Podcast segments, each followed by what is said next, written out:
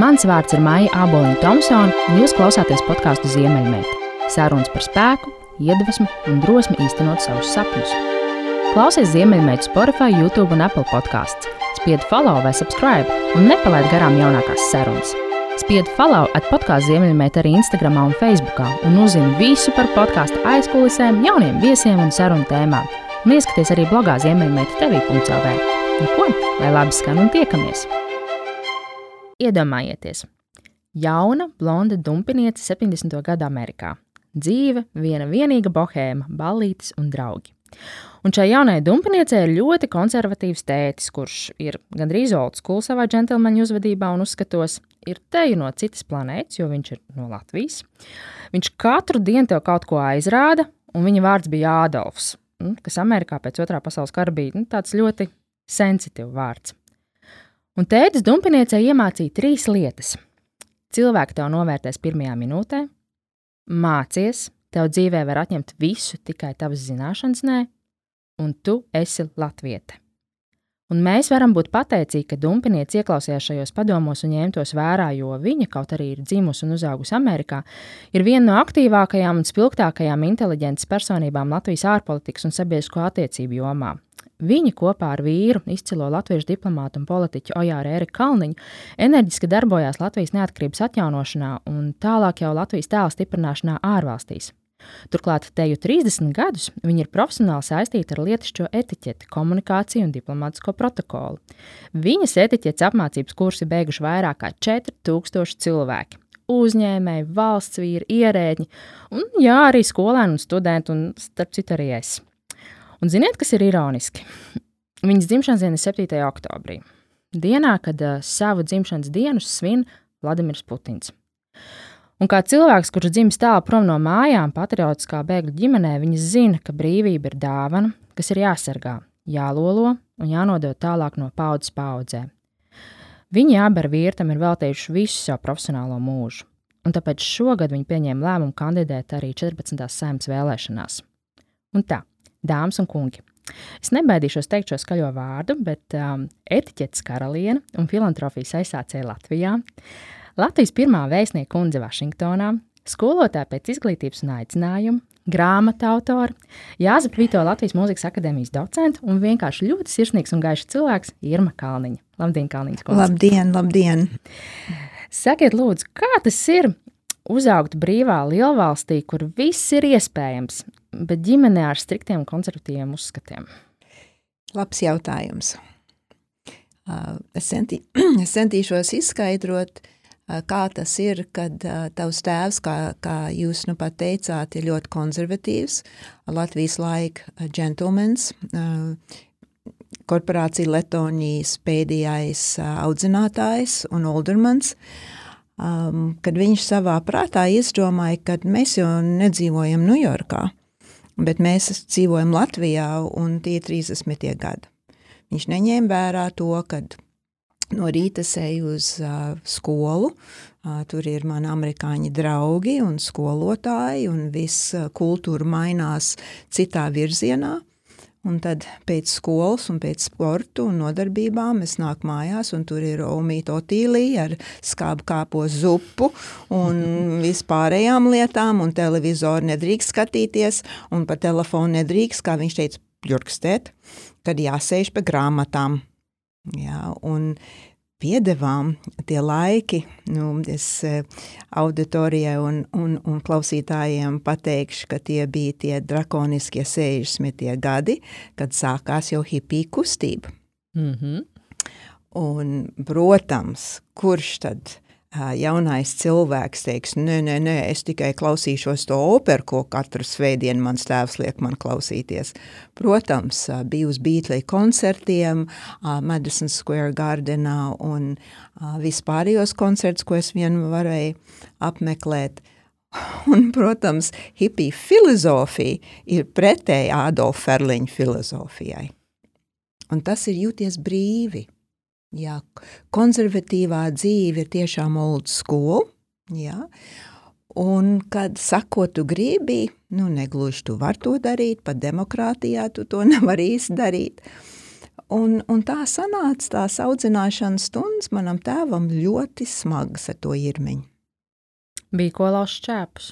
Jā, un es teikšu uzreiz par komunikāciju un kāpēc man komunikācija ir efektīga, komunikācija ir tik svarīga.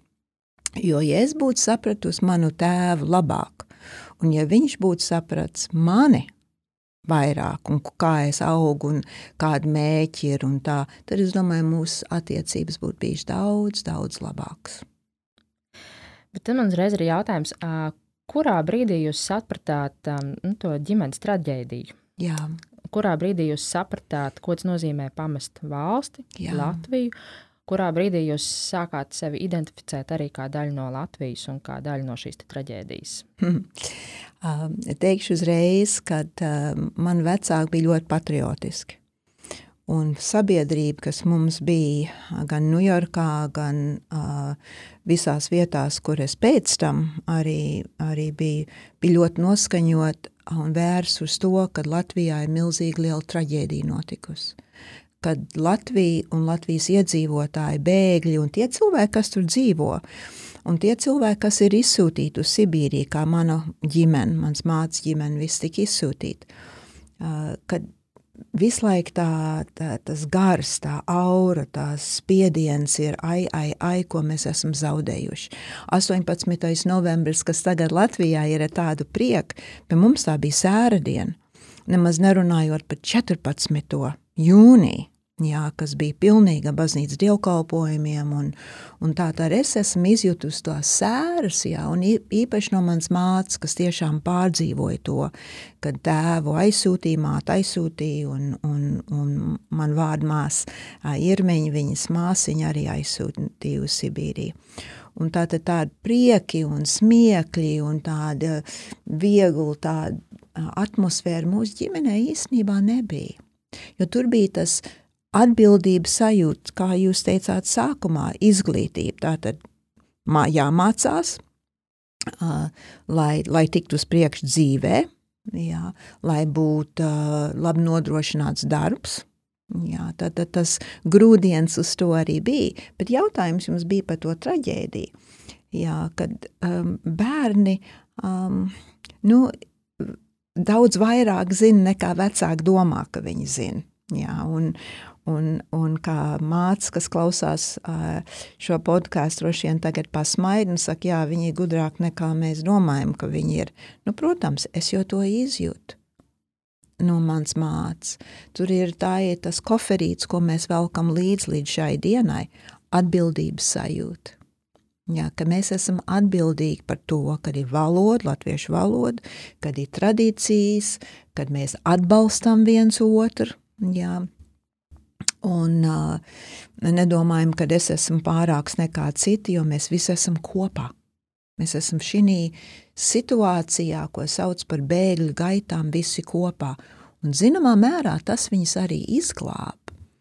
Jo latviešiem Amerikā, tanīs 50. gados, ko es vēl īstenībā biju pa jaunu, lai konkrēti atcerēties lietas, bet es sapratu, ka viņi visi, tā kopiena ir tik cieša, Jā, tur ir arī, es esmu korporācija Dzintra, jā, tātad Dzintras tikās, kā Seloņi tikās, viss, viss, viss, un tad vienā brīdī es sapratu, ka viņa amerikāņus īstenībā nepazīst, atskaitot darbā.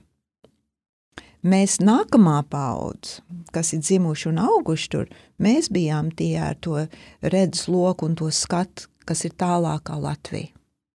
Un, protams, Latvija bija tā brīnišķīgā, skaistā zeme, kur viss dābā un arhitektūra un viss tas labākais vēl bija.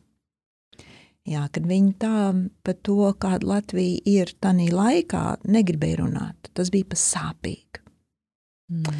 Tā traģēdija, pa ko jūs runājat, ir, kad man māte nomira, kad man bija deviņi gadi. Un tas, protams, katra bērna dzīvē, kad māmiņas vairs nav, daudz lietas notiekās psiholoģijas, emocionāli un vispārējais. Tā tad tā, tā apziņa par to latvietību, tagad māte vairs nav, kas to apziņu tā veicina vēl vairāk, un tagad man tas jādara. Jā. Un, um, Un es to arī darīju. Es gāju uz latviešu skolu, es piedalījos visur, visur, ko es vien varēju, nometnes, dziesmas svētki, tāds urā, tad sanāca, kad, nu, ģimenē es esmu tā nākamā paudze un man jānotur to latvietību. Tad būtībā sanāk, ka mm, tas man kā mm, vienmēr liekas tāds interesants jautājums, no kur trimdā dzimušajiem latviešiem ir tik ļoti spēcīga misijas sajūta. Jā. Atgriezties Latvijā un, un, un ar visu savu spēku un enerģiju līdzdarboties Latvijas valsts atjaunošanā. Mm -hmm. Jo man vienmēr liekas, nu kā viņš dzīvot Amerikā, tur citas intereses, cita, cita vide, citi cilvēki, cita dzīves kvalitāte, bet, bet tā, tā vēlme, tā misija atgriezties pie tām saknēm. Uh, šeit, Latvijā. Un tā mm. tad būtībā tā ir tā ģimene. Tā ir tā ģimene. Un es domāju, tā ne tikai tā ģimene, bet tā kopiena. Jā, tur jau arī tā lieta ir, kad kopīgi um, viedokli saist cilvēkus. Un, un daudz es esmu tagad šī laikā, protams, iestājoties politikā, es ļoti daudz lasu un, un saprotu, kur ir mentalitāte uh, Eiropā un kā tas atšķirās no citu cit kultūru mentalitāti, jo viena no manām tēmām ir starp kultūru komunikācija. Man tas ir ļoti interesanti vispārīgi, bet atgriežoties pie šo jautājumu, um, es tādu konkrēti jā, kāpēc mēs to visu darījām, mēs neesam droši, ļoti daudz arī atstāja latviešu sabiedrību. Viņam tas spiediens bija pa daudz, un bieži es esmu teikusi, būtu būt vieglāk visu to atstumt un tikai dzīvot tanī vidē.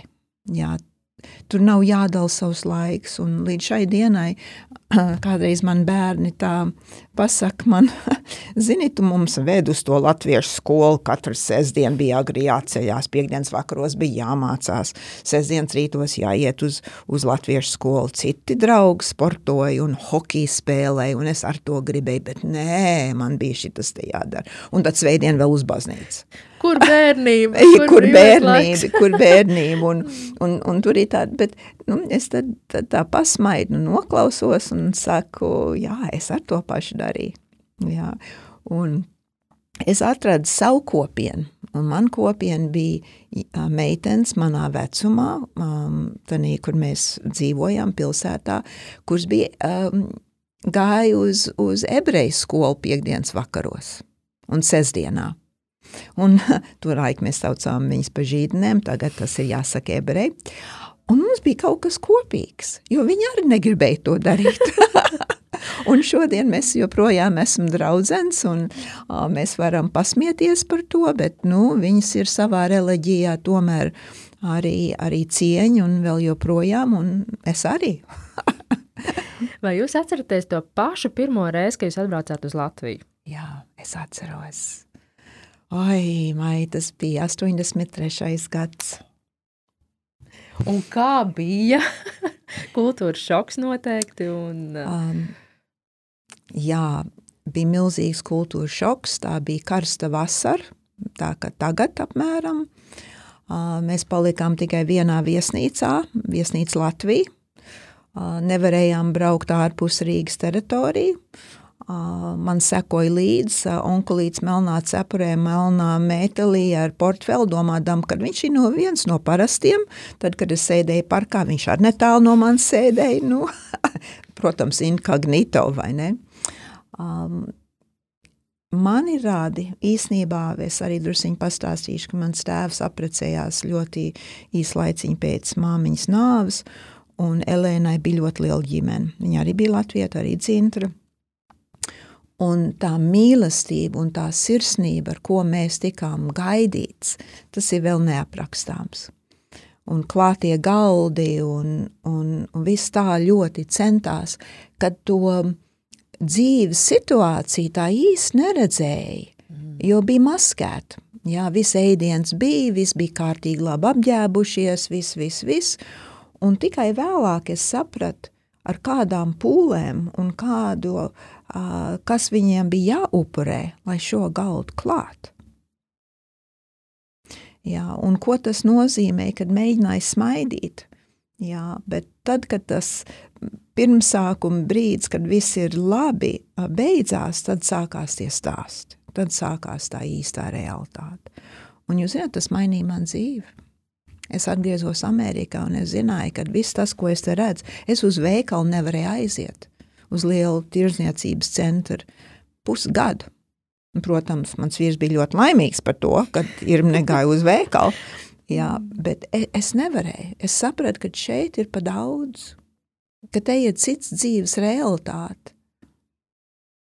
Jā, mhm. te ir cits dzīves realitāte, un, un tas ir kaut kas, ko jūs uzdevāt to pirmo jautājumu, ko tas nozīmē tur uzaugt, kad tu dzīvo turīgā pilsētā, kad viss ir, ja brauc uz New York no rīta, vakarā atpakaļ, viss ir banķieri un, un, un tā, mājas ir milzīgas, visiem ir skaisti mašīnas, tā dzīves realitāte ir pavisam savādāk. Bet tā latvietība tomēr man parādīja, pat uzaugot tur, kad ir divas pasaules.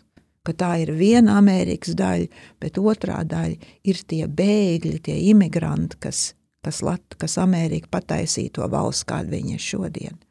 Un es to skaidru un gaišu redzēju. Un tad 83. gadā, pat kā pieauguša sieviete ar, ar nu, tādā laikā vēl tikai divu bērnu, um, manas vērtības mainījās. Un tas ir pozitīvi. Tas ir pozitīvi. Un es domāju, šodien mūsu sabiedrībā, Latvijā, mūsu vērtības arī mainījušās. O, noteikti. Un viņas turpina mainīties. Ar katru paudzi ar vien vairāk mainās. Ar katru paudzi, bet es domāju, īpaši tagad mēs esam to izjutuši. Un, um, un tā, tā tad es, es pa to 83. gadu tas bija vienkārši ļoti, ļoti ietekmīgs manā psiholoģiskā nostājā. Ir, ir kaut kas, ko es arī nožēloju. Un es nožēloju, ka es agrāk nebraucu, jo man pamāta um, brauc ar pirmo lidojumu uz Latviju caur Maskavu. 83. gadā man arī bija jābrauc caur Maskavu, tas ir atkal vesels stāsts. Bet uh, man vecmāmiņa minā uh, bija vēl dzīva 76. gadā, kad tas bija, man liekas, Elēnas trešais brauciens, un kad es viņas nesatiku. Jā, un man tā tirmiņa. To es tiešām nožēloju. Jo tajā laikā vecāki teica, nu, ko tad tu tur brauksi, jā, tev jā, tikai bēdu stāstu redzēt, un tā. Jā, un es klausīju. Nu, Kaut gan es esmu dumpinieks vienā dzīves posmā, es tomēr klausīju savam tēvam, kļuvu par skolotāju, jā, darīju tās lietas. Bet šo man nevajadzēja klausīt. Man vajadzēja runāt pretīm un teikt, es braukšu. Mm. Un nākamā reize, kad jūs atbraucāt uz Latviju? Hmm. Nākamā reize ir tā, tas bija 89. gads. Jo jau esmu gaisā jau. Jā, jo 88. gadā es nodibināju labdarības organizāciju Latviešu Renesans, kur es sapratu, ka uh, visi mākslinieki, kas brauc uz Latviju, koristi un, un, un glaznotāji un viss, uh, vis, vis, vis, kad viņi nāk un saka, ka viņam vajag zāli saviem bērniem ka kultūra ir brīnišķīga, ļoti svarīga lieta, un es biju daļa no tilts organizācija. Um, Bet nāca mums un prasīja par zālēm. Un es domāju, nu labi, kultūra ir brīnišķīga lieta, bet varbūt to kultūru ir mazliet jāpabīd malā, nu, irmai, ne jau visiem, bet man. Jā, un kad man vajag domāt vairāk par Latvijas bērnu veselību, Jā, tas bija tas mans akūtā vajadzība. Tad domāt vairāk par bērniem, jo pašai tajā laikā bija trīs mm. bērni, un man tā sirsniņa jau ir tāda mīksta, un, un es, es sāku uh, pārmainīt statūts, jo mums bija Latvijas renesans bija ar kultūru saistīta no sākuma, bet četri mēneši vēlāk es visu to uh, pārmainīju un tikai domāju par uh, humanitāro palīdzību. Un tā tas viss sākās. Un, lai apsekot slimos bērnus, ko es palīdzēju ārstēt Ņujorkā, man bija jābrauc uz, uz Rīgu ar zālēm. Un te ir veseli interesants stāsts, kā es nokļuvu Maskavā. Jo uh, Frankfurtē man bija ļoti kritisks zāles līdz, uh, un Frankfurtē viņi man ar mans mīļās draudzenes Ilgu Blankmajer, kur tagad ir aizsaulē, Viņi paziņoja Lufthansa, ka ne, kad nebrauks, kad nelidos tiešā ceļā uz Rīgu no Frankfurts, kad jābrauc ir caur Maskavu, jālido caur Maskavu. Un es teicu, nē, es nevaru, man nav vīzu. Ne, jums nevajag vīzu, jūs būsiet lidostā, nav problēma. Nu, labi, nu, viņas ir gudrākas nekā es, un mēs tā mēs ielidojām Maskavā, un divi bruņinieki zaldāti man sagaidīja, un aizved uz tādu mazu telpu, kur ap sienām viss bija uh, skaņa izolācija, un sāk man pratināt. Un jūs zināt, tas bija ļoti nērta situācija. Kāpēc jūs esat ieradusies, kas tad jūs tāda esiet, kur tad jūsu vīzi ir, un, un ļoti agresīvi un brutāli pret mani. Nu, es tā ātri mēģināju izdomāt nākamo soļus, un es teicu, vai jūs zināt, kas es tāda esmu? Vai ne tas ir labākais, kā iedzīt stūrī? ne, viņi neko nezina. Vai jūs zināt, ar kādu nolūku es esmu vispārīgi atbraukusi šeit? Un kas manos koferos ir? Ne, viņi neko nezina. Es teicu, tad es jums parādīšu. Un laimīgā kārtā manā portfelī bija no prezidenta Bušu tā humanitārā atbalsts Latvijas renesans, jā, kad es esmu, es lidoju ar ļoti trauslām zālēm. Un es izvilku to vēstuli ārā, un es teicu, jūs nelaidīsiet man Latvijā, tad jūs lūdzu izskaidrojiet šim kungam, kas ir parakstījis šo vēstuli.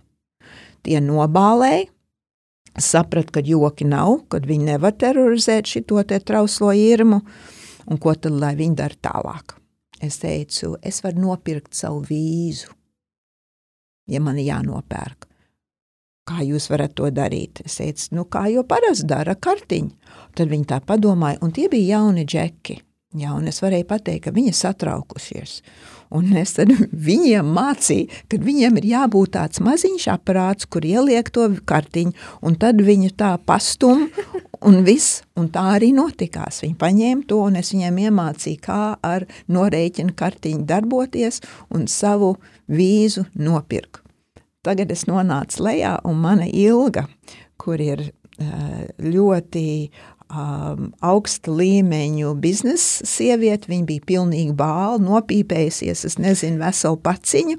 Viņa domāja, ka man tagad liks cietumā, kad ko mēs tagad darīsim, jo viņai ar stāvēja divi šī tādi cilvēki. Viss bija labi. Vīza bija arī ilgai, es nopirku vīzu, un mēs visi gājām tālāk. Kur jūs atradāt drosmi tajā brīdī? Um, es sapratu, ka man tas ir jādara. Tā, man ir jābūt uzstājīgai, jo es esmu pārliecināta, ka ko es daru pareizi, un kad viņiem nav taisnības. Tāpat tā, ka tagad ir politika. Es zinu, ka man ir taisnība, kad es tagad gribu ar savu, savām zināšanām un savām nu, visu to, ko gan Ojārs ir man devis, gan kad Dievs man devis, ka man tas ir jādara. Un tanī brīdī, kad es stāvēju šī mazā telpu apmēram kā šī, ar šiem lieliem bruņotiem spēkiem, jā, kad uh, es ticēju sev. Un tas sanāca. Jā, to, to daudz saka ticību sev, saviem spēkiem spēj iedot atvērt krīzes brīdī vienkārši nereālu spēku Jā, nu, neslēpšu, kad man ir reliģija arī man nāk līdzi. Un par to tā ir vesela, vesela saruna par tādā brīdī, tu arī lūdz Dievu, tu lūdz visu savus spēkus. Mm. Un tas ir mhm. sekundēs, tas notiekās sekundēs. Mm. Racionālā domāšana. Un acīm redzot, man kaut kur tas ir nācis līdzi. Tāpat, kad māte nomira, es sapratu, ka man ir racionālā domāšana, ka man jātiek tālāk ka viņas nav, ka man ir jāpārņem ļoti daudz. Mm. Par etiķeti, Irmas kundze. Vai viegli ir būt etiķetes ekspertam šodienas pasaulē? Nu, atkal tas jautājums ir pārliecība par sevi, ka tas, ko es daru, ir svarīgi. Jo, kad es biju vēstnieku un Vašingtonā, es sapratu, ka es esmu Latvijas tēls. Un kad visi ārzemes vēstnieki un viņus kundzes, kad viņi redz Irmu no Jāra Kalniņu, kad mēs pārstāvam Latviju. Mēs esam tas brands. Jā, varbūt mēs perfekti varam runāt angliski, bet pēc mūsu uzvedības un inteliģences un sarunas prasmēm aiz mums stāv vesela valsts. Tas varbūt izklausās pārspīlēt, bet es to ņēmu nopietni. Un tad es sāku domāt, nu labi, neviens mūs nesagaidīja rokas grāmatu, nebija tāda how to, jā, vadalīnijas, pamatprincipi, jā. tu vienkārši es, nu, gan arī tā iemests un amatā. Un varbūt vīram ir lielāks priekšrocības, jo es teikšu, politika un diplomātija tomēr ir vīriešu pasauli tanī laikā, tanī laikā, 93. gads kad uh, varbūt man būtu uh, jāuzfrišina savu zināšanas, jo Adolfa Ferliņa etiķetes skola bija ļoti laba. Jā, to es redzēju savā pirmā darbā Ņujorkā, kad, ko tēvs man bija mācījis. Tiešām atpelnījās, jo es to darbu saņēmu. Tās ir tās mazās lietiņas, ko cilvēki redz, pirmais iespējas. Un es gribēju, lai man Irmas Kalniņas tēls un pirmais iespējas ir pozitīvs un es aizgāju uz Washington School of Protocol. Hm. Jā, pauzīt, jo bija smīni no pārējiem. Vēstnieku un ziet kursos, kas tā paliet. Apstiprināt zināšanas, uzzināt kaut ko jaunu un atrast savu pašpārliecību, ka ko es daru, es daru pareizi un labi. Un beidz šīs, šiem kursiem es sapratu, nu, tēvs nemācīja man pa karogiem. Viņš to nezināja. Viņš arī nezināja, kā sagaidīt delegācijas un prezidents un kurā vietā tev ir jāstāv. Jā. Bet pārējais nebija slikti. Es tēvam devu desmit punktus. Un viņam arī pateicos par to. Un tas ir, kad es sapratu, ka etiķete un labā uzvedība ir kā cilvēki mūs uzreiz raksturos un sapratīs par mums. Un tāpēc es domāju, ka etiķete būs ne tikai jums svarīga un klausītājiem, bet jūsu bērniem un jūsu bērnbērniem. Mm. Es esmu pārliecināta par to. Kā, kā etiķete ir mainījusies cauri laikiem? Jo mm, kaut kā tā sajūta ir, ka mēs šodien esam tādi brīvāki un vairāk sev piedodam, vai tur nezināšana. Tad vēl ir šie trīs gadi pandēmijas ietekmē, kad mēs jau vairs tikai un vienīgi attālināti viens ar otru komunicējam, un tur tādas mm, pieklājības savstarpējās normas tādā virtuālā vidē jau vispār tiek atliktas malā. kā, kā ir mainījusies etiķete? varbūt pateiksim, es pateikšu kaut ko citu. Kad jāsaprot, kāda ir etiķetes pamatprincipi, pirms mēs zinām, kas ir mainījies un kas nav mainījies. Jā. Pamatprincips paliks uz atlikušo pasaules jā, pastāvēšanu, un tas ir cieņa un respekts, tolerants, iecietība um, pret līdzcilvēku. Jā mēs varam mainīt eh, uzvedības normas, jā, un tas arī jāmaina uzvedības normas, bet tie pamatprincipi, efektīva laba komunikācija jā, un sapratni pret citu cilvēku un citām kultūrām, jā, ir, ir laika gaitā un vienmēr būs. Un etiķets pamat sākums, jo ir no, no sen eģiptiešu laikiem, kad etiķetu bija uz vīriešu pleciem – Tas bija vīriešu darbs – noturēt savu ģimenes reputāciju, un jo turīgāki viņi bija, jo svarīgāk bija uzvedība, jo viņi atspoguļoja visu šīs lielās ģimenes vērtības. Un dēls, kas uzaug tēvam līdz mācās viņu ārodu. Viņam nebija iespēja kaut ko citu mācīties, viņš to ģimenes brendu turpināja, un viņu dēls to turpināja un līdz ar to viņam bija atbildība pret savu ģimeni un pret savas sabiedrības. Un man tas bija ļoti interesanti skatīties atpakaļ dziļā vēsturē, no kurienes vispār tā nav Irma Kalniņa, kas to izgudroja. Ja, kad tas ir nācis līdz katra, katrai paudzei. Ja, un, protams, pēc katra lielo karu mazliet mainās lietas. Ja, un mums nav laika iedzināties varbūt visos gadsimtiņos, bet kas notikās un kā mainījās uzvedības normas, īsnībā bija ar industriālo laikmetu. Jā, mm. kad cilvēki no um, provinces, no laukiem sāk ceļot vairāk uz lielām pilsētām, kur palika tā brīvības sajūta, bet īstenībā nepavisam, jo etiķeti nosaka sabiedrība. Tā ir sabiedrības norma, kā viņi sagaida uzvedību savā kopienā. Un ir interesanti, lekcijās es, es runāju par to, kāda Latvija bija pirms 2000 gadiem, un kāda bija sāžas, kur dzīvoja varbūt 20 cilvēki, varbūt 30, un kāda bija uzvedības normas, un kurš pateica, ko drīkst un ko nedrīkst. Tas ir vienmēr bijis sabiedrībā. Tas ir kā cilvēki māk uzvesties ar, ar savu kaimiņu, kā uzvesties pret savu ģimeni, jā, kad mēs visi nesitam viens otru, neslapkojam viens otru, kad mēs gribam izdzīvot. Un izdzīvošana ir mācēt, respektēt viens otru. Kas ir mainījies?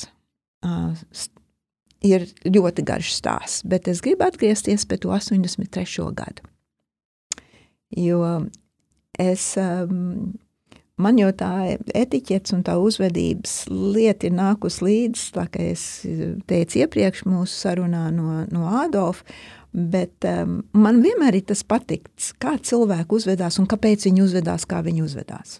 Es nezinu. Tas vesels pētījums. Jā, tas ir man ļoti, ļoti interesanti lieta, jo zināju savu skolu, bet man arī interesēja, kā citām ģimenēm ir audzināšanas stundas notikušas.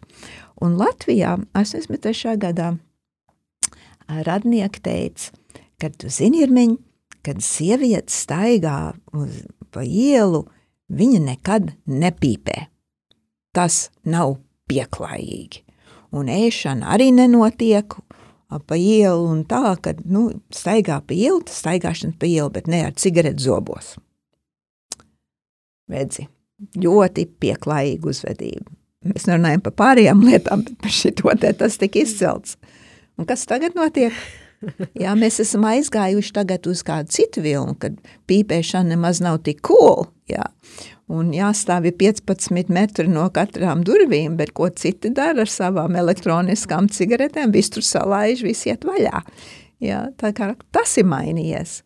Ja, komunikācija, e-pasta, par ko es ļoti daudz runāju, arī par e-pastu, par apģērbu, par cepurēm, par rokas spiedienu, par čau, jā, nevis labdien vai sveiki. Nu, viss notiekās. Viss notiekās. Mm. Bet es atgriezīšos pie pamata. Tā cieņa pēc citu cilvēku nemainās.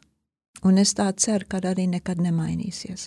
Ka mēs domāsim par citu vairāk nekā mēs domājam par sevi. Nu, te gan es jums varētu oponēt, jo būtībā uh, tas, ko es jūtu, kur arī nāk uh, ļoti daudz šāda filozofija un pašiedvesmas literatūra un viss pārējais. Uh, esi tāds, kāds tu esi. Tev nevienam Jā. nav jāpatīk, tev nevienam nav jāizpatīk. Jā. Dari, kā tu vēlies, esi harmonijā ar sevi. Uh, nedomā, ko citi par tevi domās. Jā, tas Jā. nav svarīgi. Uh, esi wild visā savā izpausmēs. Un, uh, un tam man reizēm liekas, ka, uh, nu, ja tā, tad jau uh, arī tā uzvedība un tā etiķeta un tā cieņa pret citiem patiesībā viņi bišķiņi tā kā pagaist, jo es sevi ielieku pirmajā vietā. Sapratu to, un to es arī esmu, tas millennial filozofija un Gen X filozofija, tas jau tā arī ir. Um, bet jūs zināt, ar katru, ar katru paudzi mainīsies atkal. Jo kur tas viss aizies, ir mans jautājums. Ja mēs visi sāksim domāt par viens otru, uh, ne, ja mēs visi sāksim domāt tikai par sevi, jā, tad, tad kāda būs tā mūsu nākotne? Un es arī gribētu oponēt, mm -hmm. jo Ukrainas karš ir parādījis, ka nē, mēs nedomājam tikai par sevi. Mēs domājam par viņiem. Mēs domājam par saviem bērniem un kādu mēs gribam redzēt Latviju, vai mēs gribam brīvu valsti. Jā. Jā, un tas ir, kur mēs izkāpam no to, tas gan ir tāda paradoxāli, ka mēs šizofrēnija, kad vienā brīdī, jā, mēs gribam būt wild un brīvi, un, un uh, Somijas tagad, kas notiekās ar viņas balēšanā, jā, uh, kā viņai tagad šī brīdī iet, ka viņai jātaisnojās un jāiet uz, uz pārbaudēm un viss, kad uh, tomēr sabiedrība sagaida, ka tā nevar uzvesties, kad viņi ir tomēr tā, tā un tad otra puse saka nē, kad sievietes to var darīt, un tā tad tas man ir ļoti interesanti. Un starp citu, kurā pusē esat jūs Somijas premjerministra sakarā? Es domāju, um, un es varbūt tagad izteikšos arī sev, uzlikšu tur uz tādu, es nezinu, tādu sarkano līniju pārkāpšanu, varbūt nē, bet um, Eh, es pastāvu uz to, ka privāta dzīve ir privāta dzīve.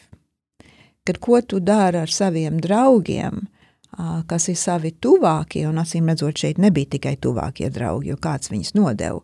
Jā, kad, kad var. Un es arī saprotu vēl vienu lietu, tas spiediens būt amatā, politikā, šī gaisotnē, šī laikmetā ir neticams. Ir neticams. Un ja viņi var vienu vakaru to dvašu nolaist un, un dejot un priecāties un nākamā rītā pieņemt lielus lēmumus, jo viņi ir varējusi atkāpties, tad es domāju, ka tas ir veselīgi. Un es domāju vēl vienu lietu, ja tas būtu vīrietis, kas to darīja, Nebūtu nekādu komentāru. Nebūtu nekādu komentāru. Un tur jau parādījās, jā, vienā publiskā pasākumā, kad viens oponents ir dzēris tur alu un nezinu ko un priecājies, bet tas ir ok publiskā vietā. Jā. Bet premjerministri noliek, es nezinu, citā. Un, nu, sabiedrība kādreiz ir ļoti dīvaina. Piedevām politikā nav draugi. Jā, atradīs oponents, kas kas parādīs. Un es to apzinos par sevi arī, kad parādīs jau kaut ko. Un es esmu gatava uz to, jo es jau zinu to taisnību. Mm. Bet es stāvu viņas pusē. Jā, jo es esmu pārliecināta, ja viņi tagad parādās savā ādas melnā jakā, starp citu, es arī gribētu tādu. Man tas ir, un, un zābakiem es arī gribētu tādas. Jā, jā, mēs esam modernā sabiedrībā.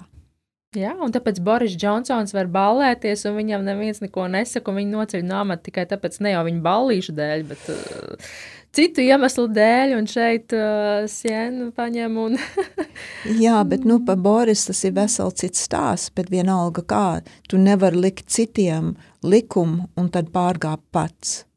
Tas jau ir, tas jau ir ļoti slikti. Mm. Tu nevari nevar teikt tautai, kad viņiem ir lockdownā, ka viņi neko nevar darīt, un tad tu pats ballējies. ballējies jā. jā, tas ir viens likums visiem. Viens, viena taisnība, viens likums visiem. Mm. Un es gribētu atgriezties pie šo uh, Somijas situāciju un, un premjerministru, kur es domāju ir ļoti slikti. Es domāju, ka saimnes deputāti, bijušā ministra, nevar parādīties žurnālā puskaila, ka viņi ir Latvijas tēls. Un tas nav forši. Un tas nav forši, ka neviens par to nerunā. Un kad netiek viņai aizrādīts, ko viņa var šitā te izskatīties savā privātā dzīvē, welcome, lūdzu. Jā, bet saimnes deputātei, jā, būt uz žurnāla tādās vairākās lapās, es tam nepiekrītu. Mm. Tāpēc jau tu ieņem amatpersonas amatu. Jā. Tur nāk savi priekšraksti līdzi, savas normas līdzi, savi noteikumi līdzi. Un, un, un, un tad ir jāapzinās, ka nu, tāpat kā Barakam Obama, Obamam, kas tad ir viņu privātā ballīte, privātā ballīte, tad viņš ir sieva un divām meitām kopā. Tiklīdz kā tur pienāk 5. sastais klāt, tas ir publisks pasākums. Publiskā Jā. pasākumā tev ir jāievēro pilnīgi cits, cits spēles noteikums uzreiz ir, un tu vairs nevari rēķināties to, ka tu neesi vairs Amerikas prezidents tajā mirklī. nu, jā, te ir ļoti daudz pretrunas, jo es domāju, ja tu pārstāv valsti, vai tas ir vēstnieks vai politiķis, tas ir uh, 24, 7, 7, 24. Bet Somijas gadījumā es domāju, ka uh, viņa jau nebija nekādā ziņā ar narkotiku vai kā. Kas tad tur traks notikās? Viņa vienkārši dejoja. Jā. Un es domāju, ka uh, tas ir viņu pārspīlēts. Un, kā es teicu, ja tas būtu vīrietis, bez šī tēma netika pacelta. Un par to es arī gribu pat, paturpināt. Vai jums šķiet, ka tas mainīsies, kad uh, prasības pret sievieti un prasības pret vīrieti varētu izlīdzināties? Jo, lai arī cik mēs teiktu, ka mēs esam uh, harmoniska sabiedrība, nu vienalga, tiklīdz mēs nonākam šādā mm, diskutablā situācijā, nu, sievietes lānīs vairāk nekā vīrietim piedod vairāk. Taisnība. Un e, es nezinu, kur tā maģija ir, kā to mainīt. Es domāju, pirmkārt, nevajag uzdot to. Mums ir jācīnās, lai būtu līdztiesības. Um, arī algās. Es vienmēr esmu teikusi par to pašu darbu, cik saņem vīrietis un cik saņem sieviete. Um, tas ir ļoti svarīgi. Un es redzu ar vien vairāk, kad sievietes tomēr iestājās politikā, un tas man ļoti priecē. Jā, un es arī domāju, ka ģimenēs, kur aug dēli, jā, ka tiem dēliem varbūt arī no paša mazotnes ir jāmāca, ka meitene ir līdzvērtīga. Jā, viņam jāizrāda cieņu un, un, un vispārējās labās uzvedības normas, bet kad viņa var būt tikpat gudra, jā, tikpat apņēmīga savus mēģus pildīt kā, kā, kā zēns. Mm -hmm. Mm, dzimuma līdztiesība. Un tā ir līdztiesība, un tas sākās ģimenē. Jā, ja trauks mazgā tikai māsiņa, kāpēc ne brālīts?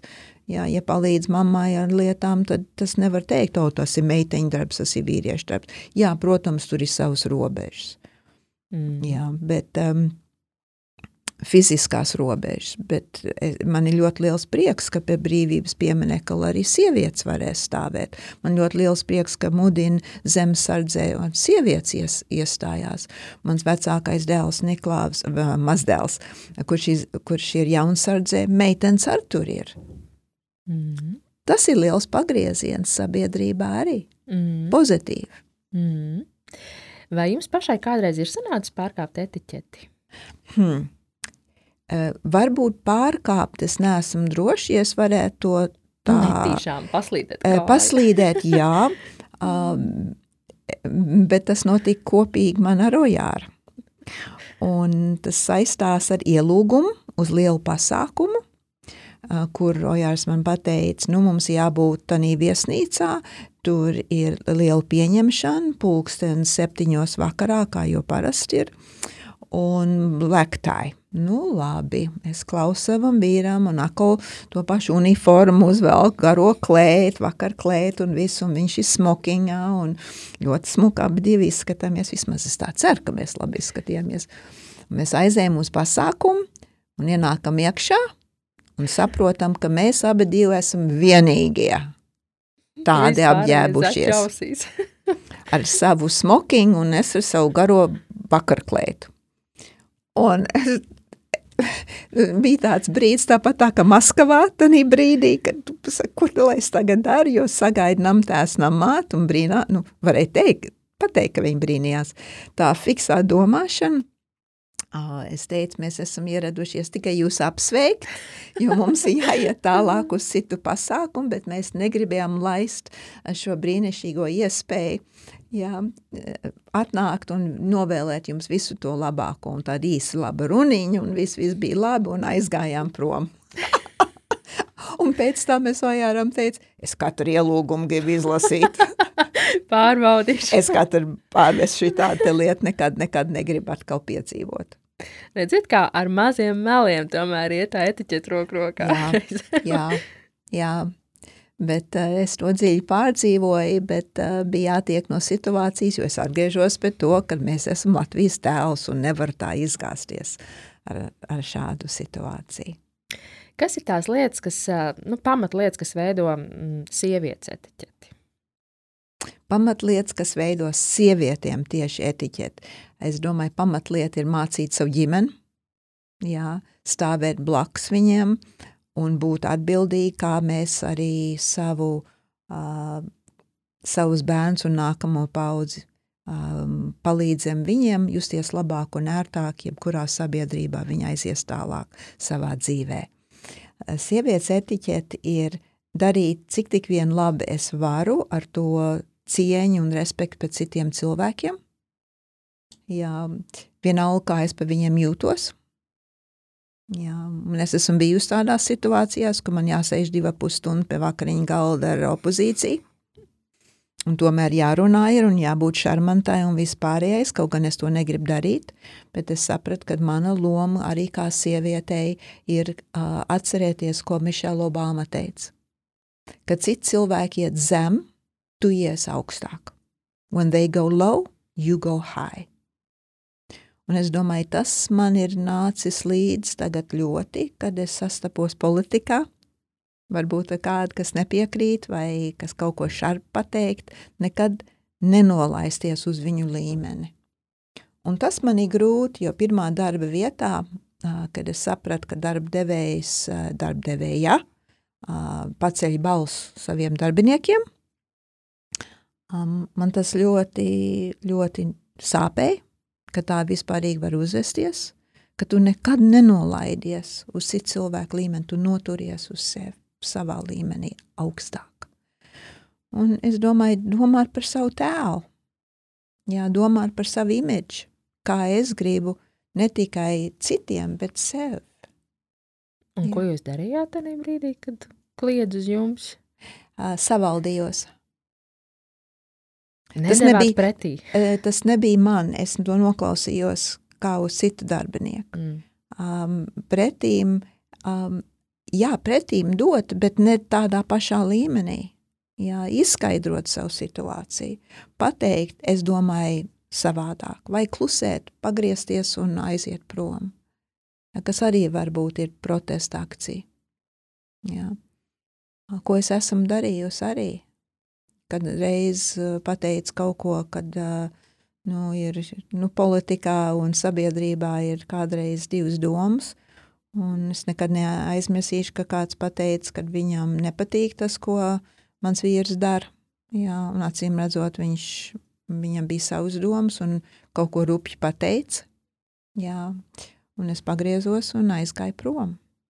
Jo vēl viena lieta sabiedrībā ir, vai mēs esam iecietīgi pret ārzemes latviešiem, Jā, tas ir vesels cits podkāsts, kad es tagad rakstu ļoti daudz savā Facebookā.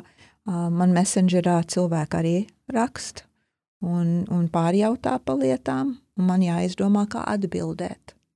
Nu, šeit atkal ir etiķete. Kā es atbildēšu pieklājīgā veidā citiem cilvēkiem, kuriem ir cit, cits uzskats vai domas vai vērtības. Mm -hmm. Un tā ir ikdienas pārbauda. Mm -hmm. Un kas ir tas mirklis, kad uh, es drīkstu dot pretī? Man būs par to jautājumu jāpārdomā. Um, jā. Jo reizēm, es nesaku, vienmēr, jā, es uzskatu, tas... ka reizēm ir vērts nolikt pie vietas, tā teikt, un, un, un, un, un, un parādīt, tā nav, ir, nu, vai, teiksim, ir savādāk, vai, vai nu, kaut kā tomēr, jo Jo vienmēr iet tajā latviskajā pazemībā, un, un mēs esam tādi, nu, man liekas, mm, zemnieku tauta jau mm, savos gēnos, kas, nu, kas vienmēr ļaus, ka viņiem kāds iet pāri un norāda to vietu un visu. Un kad, un tā ir tā atkal tā pašapziņīgā lieta, ko es vienmēr skatos uz nu, karstasinīgajām nācijām, spāņi, itāļi. Nu, sados pretī, jā, izcīnīsies, jā. pēc tam sabučosies un mm, mm. aizies katru savu vietu. Un nevienmēr varbūt ir reizēm pareizi pagriezt to muguru. Ir reizēm, kad tev ir jānoliek pie vietas, un, lai tas tiešām nekad vairs neatkārtos, un jāpastāv par sevi. Tas ir par to, ka tu pastāvi par sevi. Es jau nedomāju atbildēt kā pelēkā pelīte. Jā, nu, Jā. inteliģenti. Es jau tā, tā galīgi nē, jo atcerieties, ko es teicu par to Maskavu, kad es teicu, Jā. vai jūs zinat, kas es tāda esmu? Jā. Jā. Un, Un man ir vēl vienreiz tas noticis uh, oktobrī, ka man bija vienam vīrietim jāsaka, jūs nezināt, ko jūs runājat. Un balss melodija, atskats, jā, kad viņš tur varēja, es nezinu, kā teikt, kad uh, es neesmu svarīga, kad ko jūs tad domājat šeit vai kā. Um, bet to darīt inteliģenti, un tas nav vienmēr viegli, es jums mhm. piekrītu, tas nav viegli. Atcerieties, es esmu dzimusi lauvas gadā, tīģeru gadā. Un es savā būtībā, ja mana, manu teritoriju kāds pārkāp, jo man ir savā vasarnīcā ar kaimiņiem bijuši problēma ar viņu aitām, kur vienu vakaru, mēs atbraucām atpakaļ pēc tikai viena nakts Rīgā, kad viss man bija apēsts, viss dārs, sakiņdārs, viss, viss, viss.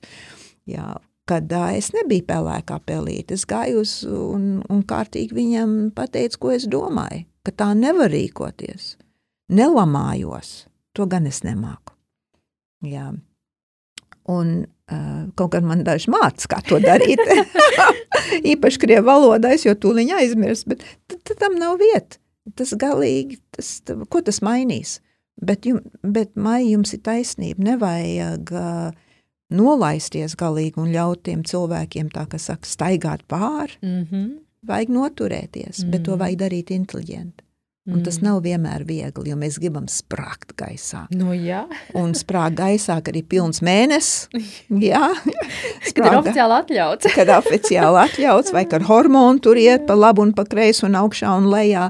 To arī, jā, un kādreiz mums vienkārši pacietība izsīkst. Nogurums, stress, un es domāju, to mēs arī izjūtam. Mm. Šī laikā cilvēki ir mums ir tāds valda kaut kādi dīvaina gaisotne. Ja, un, un mēs druskuļi sev piespiežam domāt pozitīvi, dabā būt, kā šodien es uzzināju, kad Somijā ir um, tāda konkursa, tāda spēle, kur iet mežā un apskauj koku. Jā. Jā, kā katrs dara, radošākā veidā pieiet klāt pie bērns, vai priedu, vai ozolu, vai, vai aps, un vienkārši viņu apskauj, vai palicās uz viņu. Un es domāju, cik ārkārtīgi forši, ka cilvēki mm. meklē kaut ko pozitīvu darīt, mm -hmm.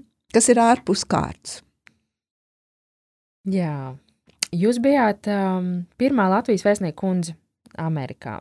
Vai jūs atceraties, kā jūs jutāties, kad uh, bija jāsāk pildīt amatu pienākumu? Vai jūs, vai jūs skaidri zināt, kas jūs sagaida, kur mm. jūs esat iepinusies, tā teikt, un, un, un, un, un kā tagad ar to tikt galā? Vai tā, tā lipa bišķiņa trīcēja?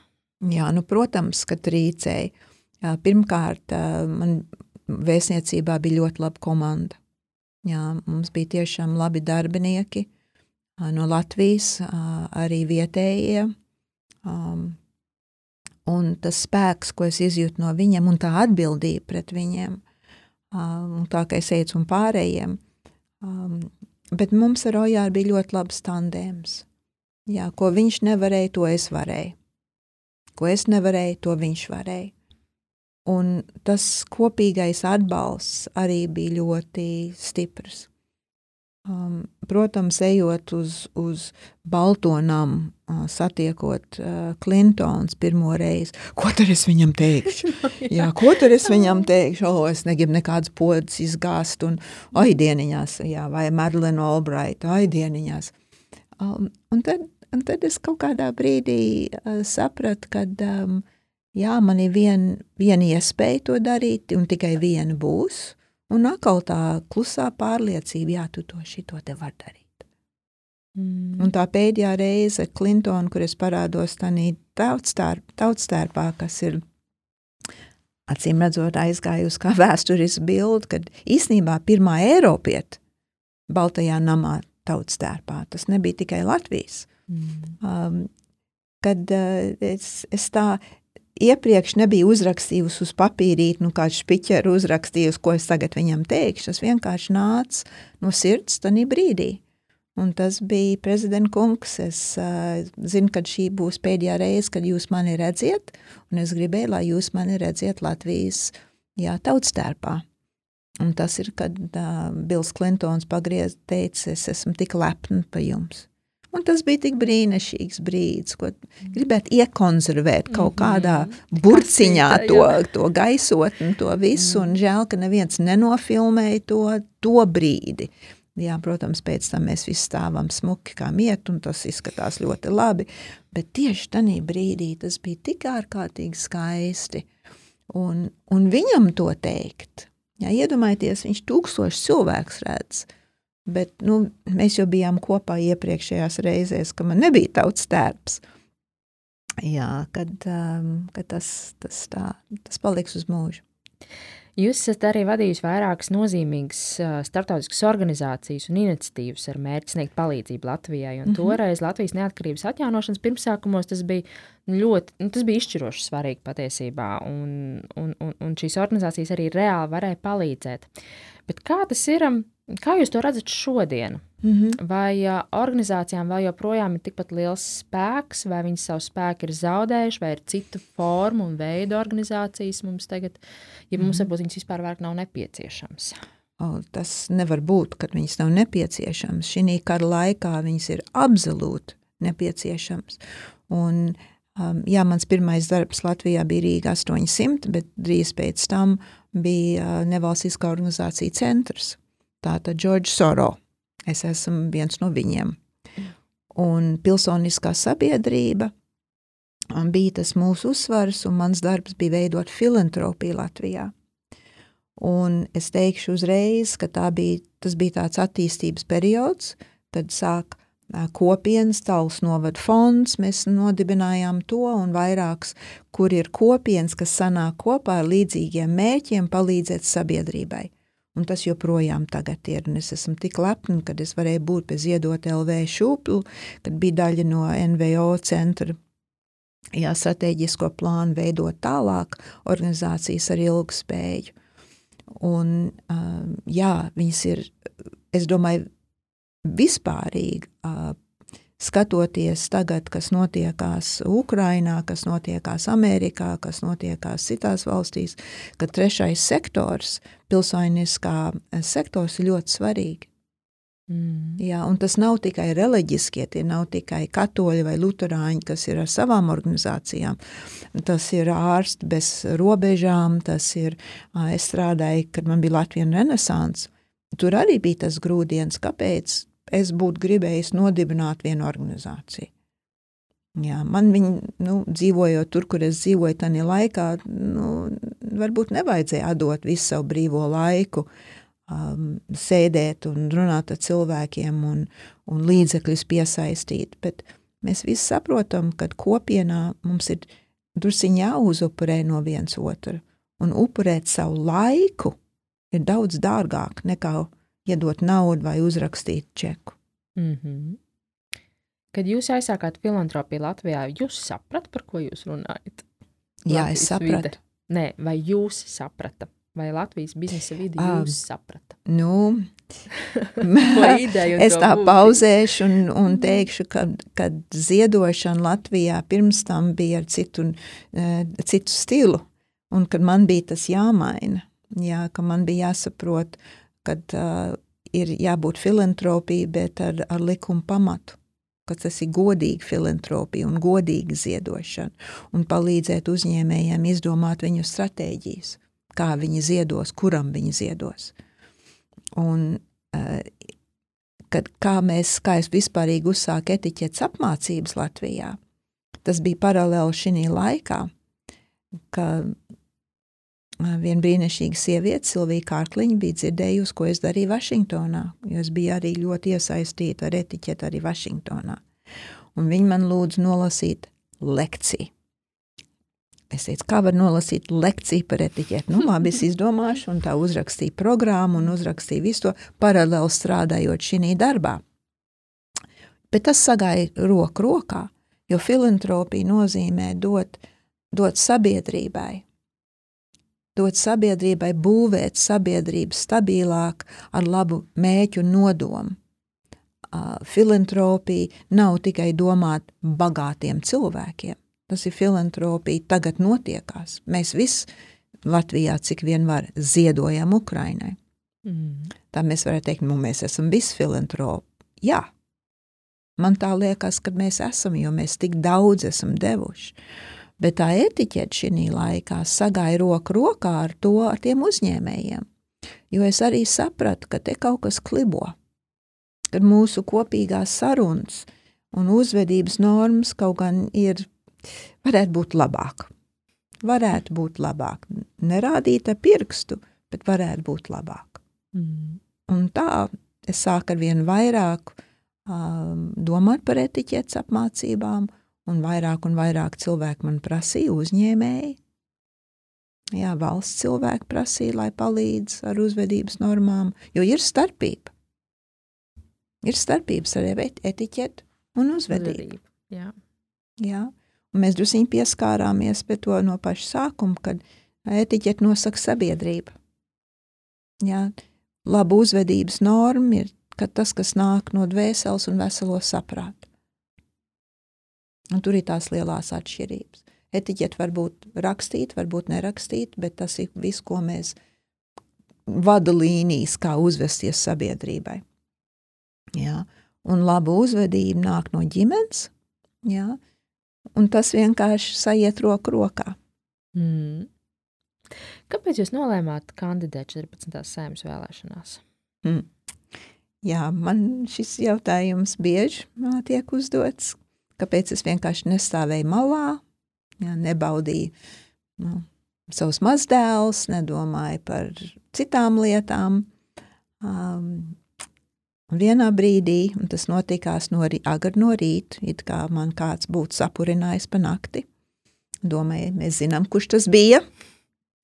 Jā, kad man bija jāturpina man vīra darba, jo viņš bija savu profesionālo mūžu veltījis Latvijai, un es savu mūžu biju veltījusi, lai palīdzētu viņam to darīt. Jā.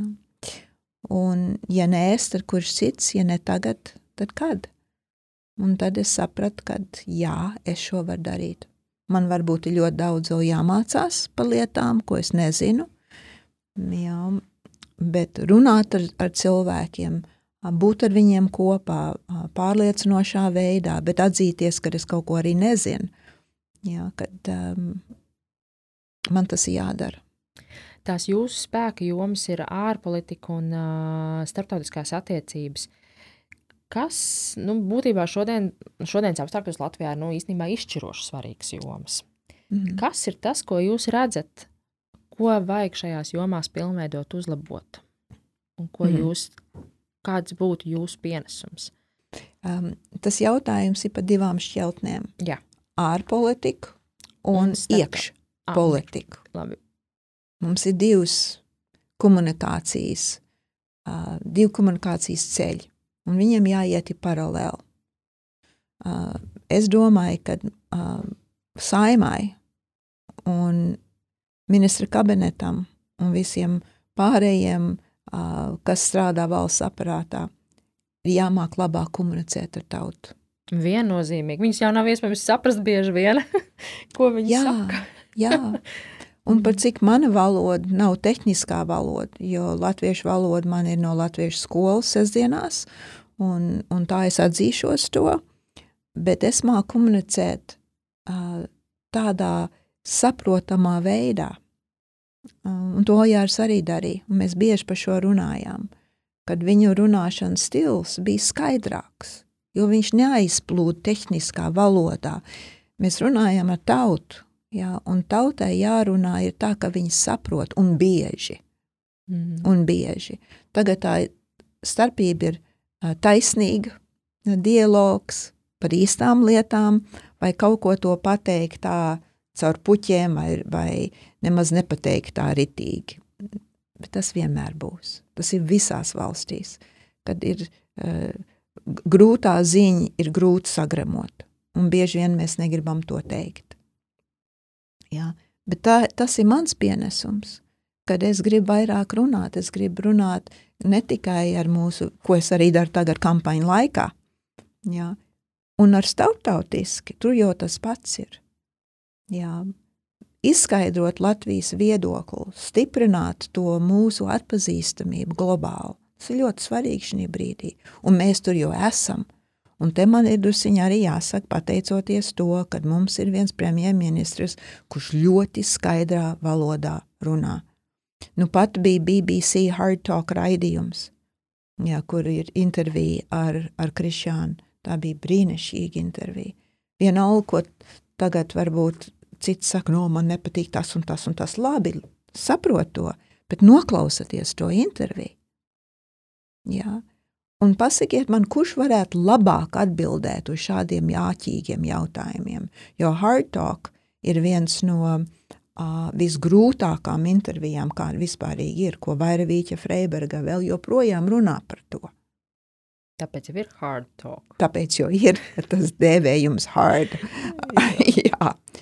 Un kāpēc es iestājos? Jo man tas nav tikai tāds darba apjoms, man tā ir misija. Tā ir misija būt saimnes deputāti, pārstāvēt savu valsti, ir misija, un to es ņemu ļoti, ļoti nopietni. Jūs nebiedē viss tas, kas tur parasti, kad cilvēki nokļūst politiskajā arēnā, Mm -hmm. kas tikai tur nenotiek. Uh, intrigas, aprunāšanas spēles, uh, cilvēki sadeg, cilvēki pazaudē veselību, cilvēki zaudē reputāciju. Rezultāts vienalga īsti netiek sasniegts, daudz sapņu tiek izplēnti, teiksim, tā gaisā. Jūs tas nebiedē? Hmm. Ar veselo saprātu, protams, es zinu, ka tas ir, ka tas notiek. Ojāram bija 92 dienas grāmatas, ko viņš rakstīja par savu ikdienu. Un es viņas esmu izlasījusi, sākot no tiem 90 gadiem. Un viņš apraksta ļoti daudz. Protams, tas paliks manā zināšanā. Um, es 30 gadus esmu bijusi tur, gan diplomātijā, gan politikā. Uh, visu to, ko jūs nu pat teicāt, man nekas nepārsteidz. Ja dzīvē es varētu teikt, es esmu zaudējis visu to, ko varu zaudēt, man nav nekas, ko zaudēt vairāk. Es saprotu, kur es eju tagad. Man nav rozā brilles, es zinu, kas tur ir. Jā, protams, tas, tas ir grūti sagremot. Jā, īpaši tagad, kad ir 19 partijas, jā, īpaši tas viss, kas ir nācis vēl klāt, jā, bet es esmu gatava uz to. Jo atgriežoties par to pārliecību, ka šī ir mana misija, jā, aizstāvēt Latvijas intereses, satvērsmu, domāt par saviem ma mazbērniem un viņu bērniem un Latvijas nākotni, es nekad, nekad nevēlos, lai Latvija, un es darīšu visu manos spēkos, lai Latvija nekad netiek okupēta. Lai atkal nav padomu vara, komunistiski, vienalga, kā mēs gribam to nosaukt. Kad mēs nosargājām mūsu robežu, jā, kad mēs saprotam, ka no Krievijas mēs nevaram neko vairāk, jā, un, un kad mums jābūt pastāvīgiem, bet mēs esam Eiropas Savienībā, mēs esam NATO, mums ir labi kaimiņi, jā, un mums ir jāturpina tās labās kaimiņu attiecības. Tāpat tā, ka mūsu ģimenē un mūsu radiem, un, un tā, jā, mums būs šķelšanās un strīdi. Un par to es druskuļi satraucos. Jo tagad, Covid laikā, mums bija šķelšanās. Tie, kas ir vakcinēti, tie, kas nav vakcinēti. Jā, tie, kas tagad domā, ko Putins darīja pareizi, nē, ne, nedrīkst vākt nos to, to uzvaras, to negribu negrib maz pieminekli teikt. Pirkstu. Jā, to, to stabu. Jā. jā, Amerikā tur ir ar Trumpu un republikāņiem un demokrātiem un visur tagad, un Mekronam ir savas problēmas un Džonsonam tur bija, visiem tagad pasauliet šitā te kustās. Un atrast savu iekšējo mieru un to vīziju un to mēķi un kā tikt līdz tam mēķim un soli pa solim ja? ko es varu darīt un kur man vajag palīdzību. Un šeit arī es teikšu, ka komanda ir ļoti svarīga lieta. Un tagad kampaņa laikā es esmu pateicīga par to komandu, kas man ir, kas tic man, kas stāv man blakus, un mēs darām visu to, ko mēs varam, bez budžetu, un, un, un iesim uz priekšu. Nu, ko jums, man liekas, šis tāds brīnišķīgs uh, nots, uz kuras beigt mūsu šodienas sarunu. Bet pirms es jūs laižu projām, man ir. Nelaižat tādi... man prom, es varu jums runāt visu dienu, visu nedēļu. Nu, man ir ātrie jautājumi, ko es uzdodu pilnīgi katram podkāstu viesim. Uh Mhm. -huh. Un noteikumi ir tādi, jāspēr ārā pirmais, kas ir uz mēles. Misija. Jūsu mīļākais ēdiens? Biespiens šobrīd. Jūsu pirmais skūpsts bija? Ai, ai, es tagad jums pateikšu kaut ko, ko es varbūt bieži nesaku publiskā telpā, bet man liekas, tas bija pirms man bija bērnu trieku, kad es biju maza meitenīte. Man bija pieci gadi. Un, un pēc izvesļošanās mēs ar vietējiem bērniem spēlējāmies, un man nobučoja viens melnādaini puisīts. Nu, re! Ātri sākāt. man, jā, jā, jā, un es biju tādā šokā, es nezināju, ko darīt. Jā, jo mēs tur spēlējām, kur kāp uz kalnu un tad stum viens otru lejā, jā, King of the Mountain, un viņš man nobučoja. Un es ārprāts, ko lai es tagad daru? Dziesmu, ko visbiežāk dungojat pie sevis? O, oh, tas mainās katru dienu, jo es daudz mūziku klausos. Tas ir um, uh, Karla Brūnijas, uh, uh, piedodiet, es tagad nevaru atcerēties, uh, Winner Takes All. Ok. Lūdzu, turpiniet teikumu. Drosme ir? Ticiet sev. Drosmīgākā vai varbūt trakākā lieta, ko jebkad esat darījusi? Iestāties politikā.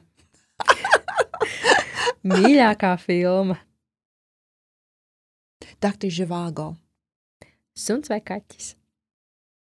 O, to nedrīkst man prasīt, jo man tagad ir divi bur, burvīgi meini kūnu kaķi. God viņiem es teikšu kaķi. Jā, viņi nepiedod, ja pateikt savādāk. Cit Netflixā tagad ir ļoti laba uh, dokumentālā filma pa kaķiem. Ah. Mm -hmm. Kaķa mentalitāte. Tātad.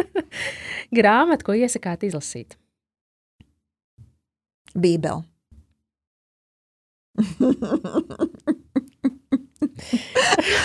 Pilnīgi pauze iestājās. Uh, tad ir jāsaņemās. tad ir jāsaņemās. Lai gan es esmu lasījis Korānu. Jā, nu ļoti labi. Lūdzu, turpiniet teikumu. Mans ideālais piekdienas vakars ir? Mana dzīve mainījās 14. oktobrī. Tātad, kad Ojārs aizgāja, man piekdienas vakars ir tāpat tā, kā sestdienas vakars. Bet es domāju, ideālais piekdienas vakars būtu doties uz laukiem. Mm -hmm. Man tāpat sacīt. Labākais piekdienas vakars, ko var iekraut visu Jā, mašīnā doties, doties uz, uz laukiem. uz, uz, uz savu vasarnīcu un vienalga kāda laika apstākļi ir, tas ir mans sapnis. Un ziemā, kad to nevar darīt, tad nopūšās. Bez padomiem, ko jums ir devis tēvs dzīvē, kas ir vēl tas labākais padoms, ko kāds jums ir devis, vai gluži pretēji sliktākais padoms, ko kāds jums ir devis? Sliktākais, mm, bet to man būs jāpadomā. Um, kad um, sliktākais padoms bija, kad ir jāprecās ar latvietu tikai. Latvijas drīkst precēties tikai ar latvietu un nepadomāja, ko nozīmē mīlestība un sapratne, pat ja tas cilvēks nav latviets. Jūsu mantra brīžiem, kad jāsaņemas. Irma, beidz slinkot. Irma, tev tas ir jādara, saņemies, saņemies, saņemies. Tu vari. Irma, tu vari. Un man tāds saraksts ir no lietām, ko es to prost, prost, nolieku malā. Procrastination, un, jā. jā, un e, tīrīšu plauktus, darīšu kaut ko, tikai nedomāšu par šito te, kas man jāatbild. Personība, jebkura vēsturiska vai mūsdiena, ar kuru jūs iet vakariņās? No vēstures. Vienalga vai nu no mūsdienām, vai no vēstures, vai tā ir literāra, vai tā ir uh, īsta personība. Dzīve vai nedzīve? Jā. Dzīve jābūt Vien, dzīvei. Vienalga, pilnīgi vienalga. Ar savu vecmāmiņu minā. Gribētu iet vakariņās ar viņas. Un uzzināt, uzzināt, kā viņi izdzīvoja Sibīrī. Jā. Tas var būt tāds pesimistisks nots, bet gribētu, man tas trūkst Mm. Jā, pateicoties Intrai Ģekei un pārējiem, kas ir par to Sibīrijas bērniem, man šis ir tāds posms manā dzīvē, kas ir iztrūks. Nu, un otrs vīrietis, jā. ja tā ir sieviete, es pielikšu klāt arī savu vectēvu Kārlu Augustu Bušu, kurš bija viens no Latvijas pirmiem ļoti turīgiem cilvēkiem. kā viņš tika, kur viņš nokļuva, un viņa dzīves padomus gribētu uzzināt. Nu, re, labi izvēle būtu vakariņām. Mm -hmm. Paldies jums, Mīša, šodien par sarunu. Cipars 14 ir ļoti simbolisks cipars jums dzīvē, jo arī jūs startējat 14. numuru un 14. oktobris. Es ticu, ka viss beigsies labi, un jūs ieraust tajā virpulī iekšā. es, es noteikti tam ticu, paldies. un lai jums izdodas. Paldies, paldies jums, Mīša, par šodien par sarunu, par atziņām, par, par dalīšanos pieredzē. Bija ļoti vērtīgi. Paldies, paldies man patīk. Viss bija ļoti skaisti un jauki, un, un jūs man āķīgs jautājums uzdevāt. Man vēl jāpadomā par dažiem no viņiem, par to slikto padomu. Tur būtu jāpadomā, jo es nevaru atcerēties nevienu uz doto brīdi, bet paldies, māja. Man ļoti patīk būt ar jums kopā, un tas ir ļoti vērtīgi, kad mēs varam šādu sarunu noturēt. Paldies! Paldies! Paldies, ka biji kopā ar mums!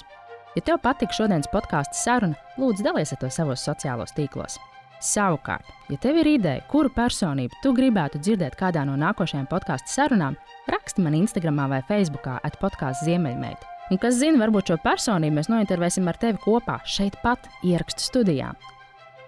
Kārlis Skalbers teica, pasaulē nav gala un debesīm nav malas. Īstā dzīve ir liela kā pasaule un augsta kā debesis. Dzīvosim īsti! Atām!